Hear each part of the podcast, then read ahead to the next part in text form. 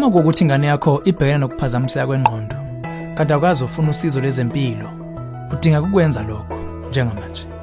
Izinga lokuphazamiseka kwengqondo ebantwaneni kuphezulu, futhi indlela yokusiza ukuba uthole usizo lwabezempilo abakuqeshele lokho kuyinto esemqoka. Ohlelweni ezomndeni sizokhuluma ukuthi kungani futhi kanjani ukuba ukwazi ukwenza lokho.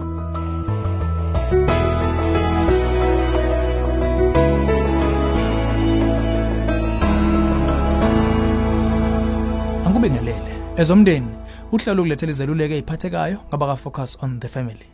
Sithola isikhalo sokusizwa kumama phambilini obuze wathi Ikuphi engakulindela enganeni ephazamiseke ngengqondo?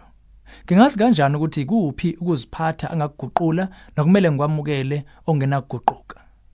Sibhekana lenkinga ebhongweni lethu futhi asazi sibhekane kanjani lesimo.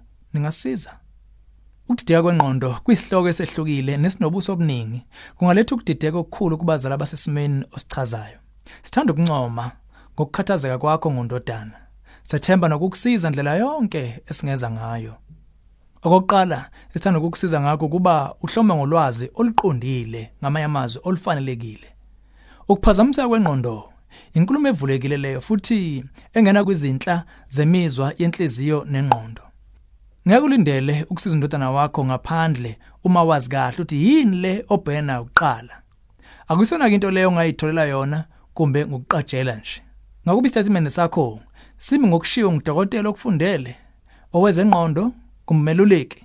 Uma kunjalo, umuntu ongakusiza kangcono yilo owahluza isimo somntanakho ekuqaleni. Sikuncengela ukuba ubuyele kuye lo muntu uyombuzisisa ngokwemininingwane ayithola. Bhala phansi isimo sokuphazamiseka kwengqondo yomntanakho. Sifundise ngeimbangela zakho.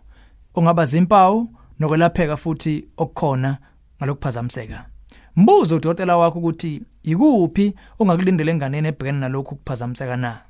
Uma ungenalo uhlolompilo olusemthethweni lokufundele sikhuthazo lwenze.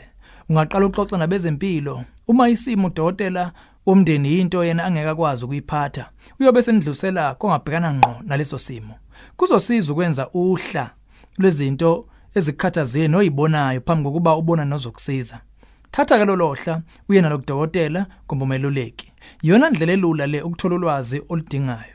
Kusemqoka ukwazi ukuthi ngokwezemthetho kunezinto abengezisho kuwe ngesikhathi bemhlola eyedwa ngokwendlela yokulapheka. Kusemqoka futhi ukugcina emqondweni ukuthi ukugula ngengqondo kundlela ningi. Zikhona izimo zokuphazamiseka ngokwemuthi nje okuyincindezi ukugcina siphazamisa imizwa nendlela abuka ngayo ngaphandle umuntu. Zikhona futhi nezimo zokuphazamiseka zezokuziphatha ezivamise ukubonakala ngokujula kungayibandakanyi nabantu ngisho nezobugebengu. Kukhona ukuphazamiseka kokucabanga okuduma ukuthi phecelezi schizophrenia. Kusobala ongalindelwa ngumzali kuzohluka nezinga futhi lokubekezela izimo zizohluka ngokuncike kutheni luhlobo luni lokuphazamiseka. Isibonelo, awukwazi ukulindela ingane enencindezi iguqula indlela yayo yezengqondo ngaphandle kokuba isizwe kuqala kumbe isebenzise i-treatment. Nokho, ungalumisa isela ukuba liyeke ukuthatha ngozwane. Nongakulindela ngengane yakho eneschizophrenia kusengahluka kakhulu njengoba sishilo konke kuncika ngqo kwisimo semvelo yenkinga kantotana wakho. Neminyaka isemqoka futhi kwazise kusenganomehluko omkhulu phakathi kono13 nono17 weminyaka. Ukuphazamiseka okuningi esichazile akusikho okwempilo yonke kuze kube ngukuthi lowo muntu seku18 weminyaka.